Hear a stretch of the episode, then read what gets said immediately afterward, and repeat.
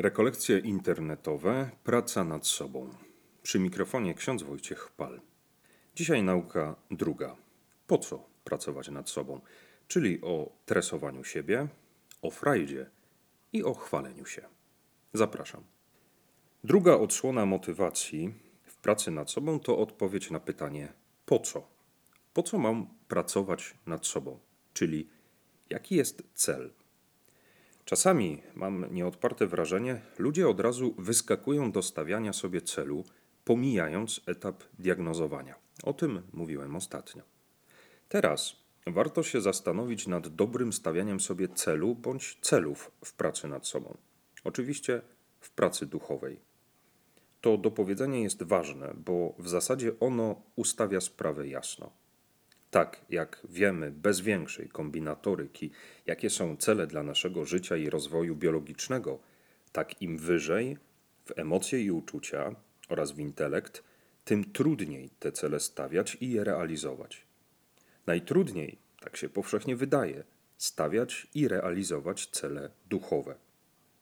Ale we wszystkim tym najważniejsza jest prosta zależność. Jeśli jest cel, to znaczy, że jest tego czegoś brak. Jeśli jest brak, jeszcze czegoś nie ma, to znaczy, że jest potrzeba. I tak są potrzeby biologiczne i duchowe, emocjonalne i intelektualne, społeczne i osobiste, rodzinne i publiczne. I tak można grupować i wymieniać jeszcze długo. Skoro są potrzeby duchowe, to znaczy, że do nich można dopasować cele rozwoju duchowego. Najprościej jest zatem pytanie, po co mam pracować nad sobą, odwrócić w takie: jaki cel sobie stawiasz? Co chcesz przez tę pracę osiągnąć? Jaki chcesz być? Moim zdaniem to bardzo ważne, gdy robimy mocne postanowienie poprawy, wyobrazić sobie, jakim chcę być. O mocnym postanowieniu poprawy jeszcze będzie szerzej.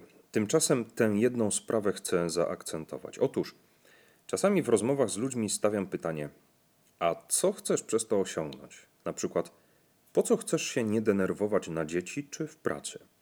I generalnie odpowiedzią jest albo zdziwienie i dopytywanie, czy dobrze się czuję, czy zrozumiałem, bo to przecież takie oczywiste. Jak ksiądz może nie wiedzieć, że niedenerwowanie się jest dobrym postanowieniem poprawy?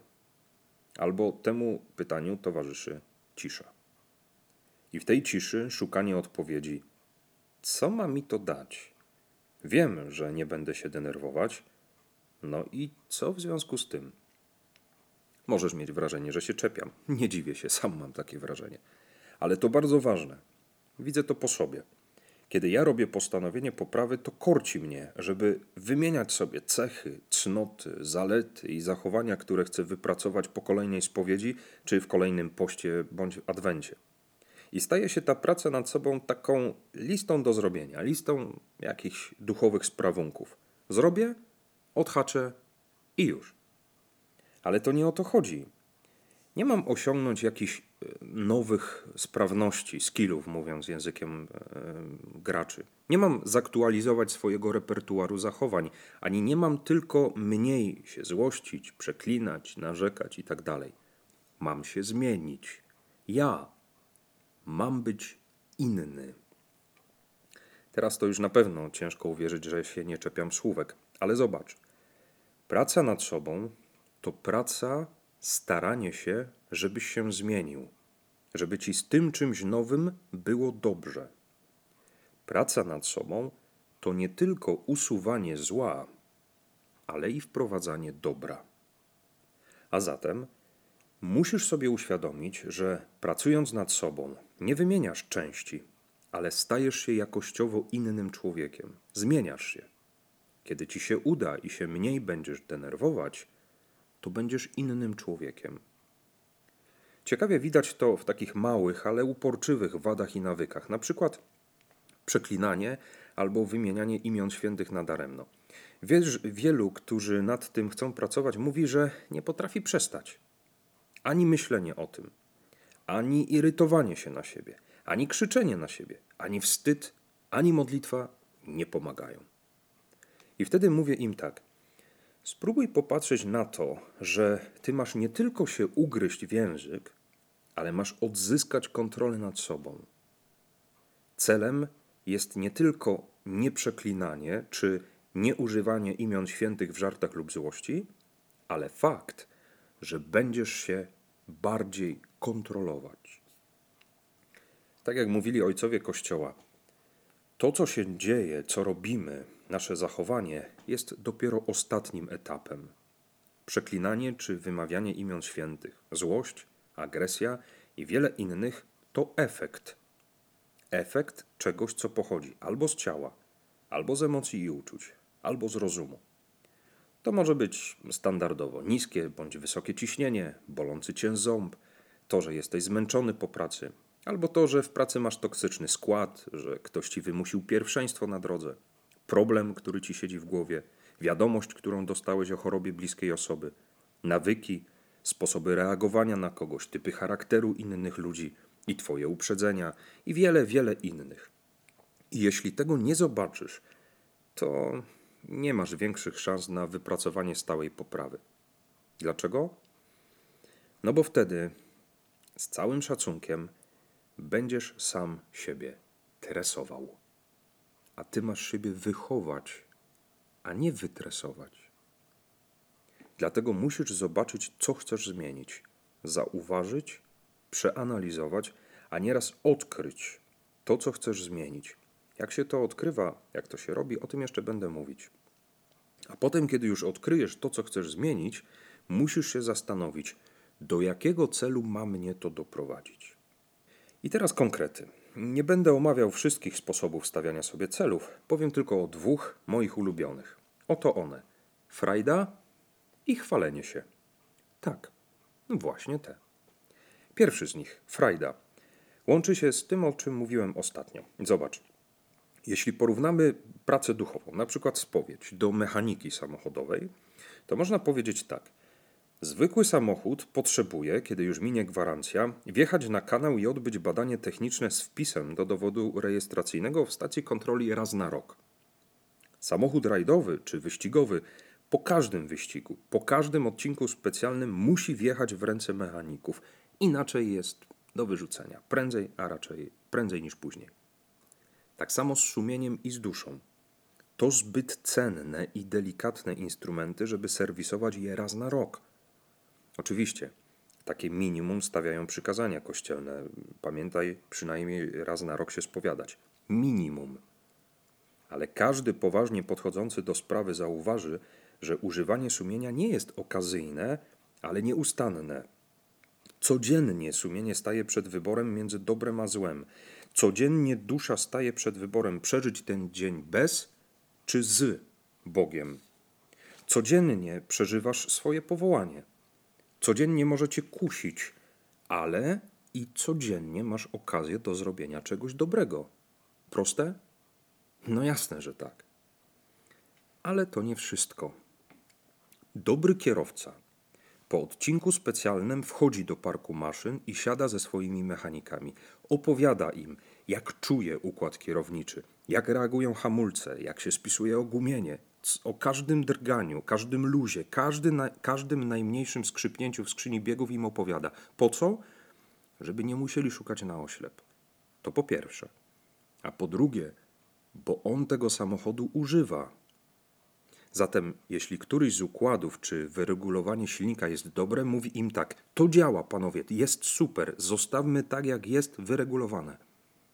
O czym to mówi? Że ma frajdę z jazdy. Że przed poprzednim etapem czy OSM dobrze zaplanowali i ustawili maszynę.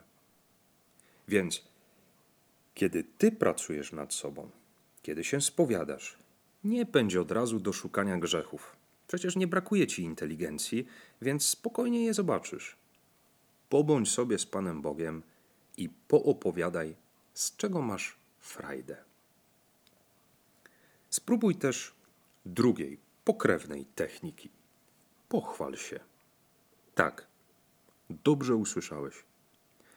Bardzo lubię ludziom, którzy zwłaszcza za bardzo się oskarżają i niepotrzebnie załamują własnymi grzechami, zaproponować w pracy nad sobą na przykład 10 minut chwalenia się Panu Bogu, albo Codziennie za jedną rzecz, którą zrobiliście dobrze, pochwalić się Bogu w wieczornej modlitwie. I czasami słyszę takie głębokie westchnienie przerażenia, co on wymyślił? Jak ja niby mam to zrobić? Ale że co? Chwalić się Bogu? I myślę sobie wtedy, no jakbym zaproponował zamianę na okrążenie ołtarza na kolanach, to by z pocałowaniem ręki pewnie wzięli. A po co się krygować albo wstydzić przed Panem Bogiem? Przypomnij sobie siebie dziecko, albo popatrz na dzieci. Dziecko, kiedy coś zrobi, ulepi, narysuje, biegnie się pochwalić rodzicom, bo to go cieszy. Chce się pochwalić. Nie z pychy, która ocenia jestem doskonały, nie z egoizmu, który każe dodać popatrz, jestem lepszy od innych. Chwali się tak po prostu, z miłości i radości. Jest bowiem coś takiego jak zdrowa chrześcijańska duma. Nie pycha, nie egoizm, nie przechwalanie się, nie zadufanie w sobie. Przed Panem Bogiem nie masz być ważniakiem, ale szczerym, czującym frajdę, chwalącym się dzieckiem. Bo przecież jesteś dzieckiem Bożym. Praca nad sobą to nie orka na ugorze, to nie wysiłek i katorga. Czasami, przyznam szczerze, naprawdę mnie irytuje taki karykaturalny obraz chrześcijan, który dajemy sobie wmówić. Chrześcijanin idzie przez życie, przygnieciony własnymi grzechami, świadomością swoich wad i przewinień, przygarbiony tym ciężarem tak, że nosem orze po ziemi. To nie ta bajka. Być chrześcijaninem to widzieć błędy, grzechy i porażki i za nie przepraszać i z nimi walczyć, ale to także dostrzegać swoje sukcesy, z nich się cieszyć i chwalić Panu Bogu. Bogu na pewno, a ludziom niekoniecznie. Zatem, kiedy pracujesz nad sobą, kiedy stawiasz sobie cele i je realizujesz, choćby to było tylko ugryzienie się w język albo zwykłe wyniesienie śmieci, miej frajdę. Celem pracy nad sobą nie jest naszywka na mundurku. Celem pracy nad sobą jesteś lepszy ty. Ty bardziej święty. Takiego siebie zobacz. Takiego siebie sobie wymasz. Takiego siebie realizuj.